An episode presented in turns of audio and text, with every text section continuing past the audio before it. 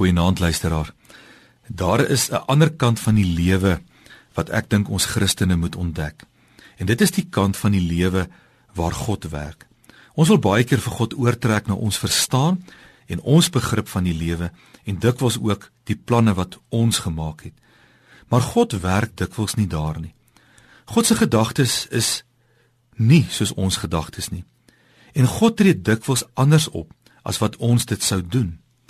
God werk juis kragtig wanneer ons ons onderwerp aan sy gedagtes en sy planne. In hierdie gedagte het God juis vir Israel gesê en daarvan lees ons in Jesaja 55 vers 8 en 9. My gedagtes is nie julle gedagtes nie en julle optrede nie soos myne nie sê die Here. En soos die hemel verhewe is bo die aarde, so is my optrede verhewe bo julle optrede.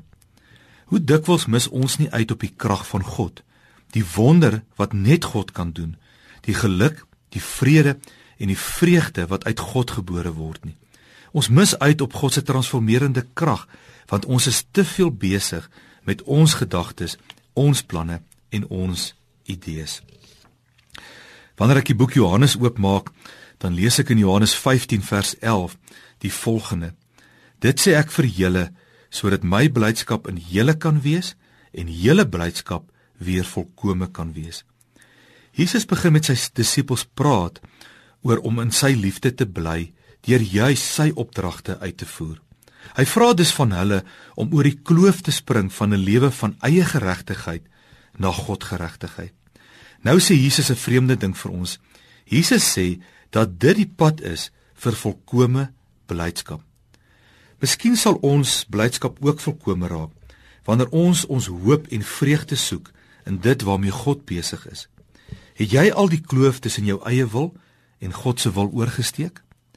Ek dink dit is 'n noodsaaklike besluit wat elke ware gelowige en disipel van Jesus moet neem, veral in die lig van die moeilike tye waarin ons leef.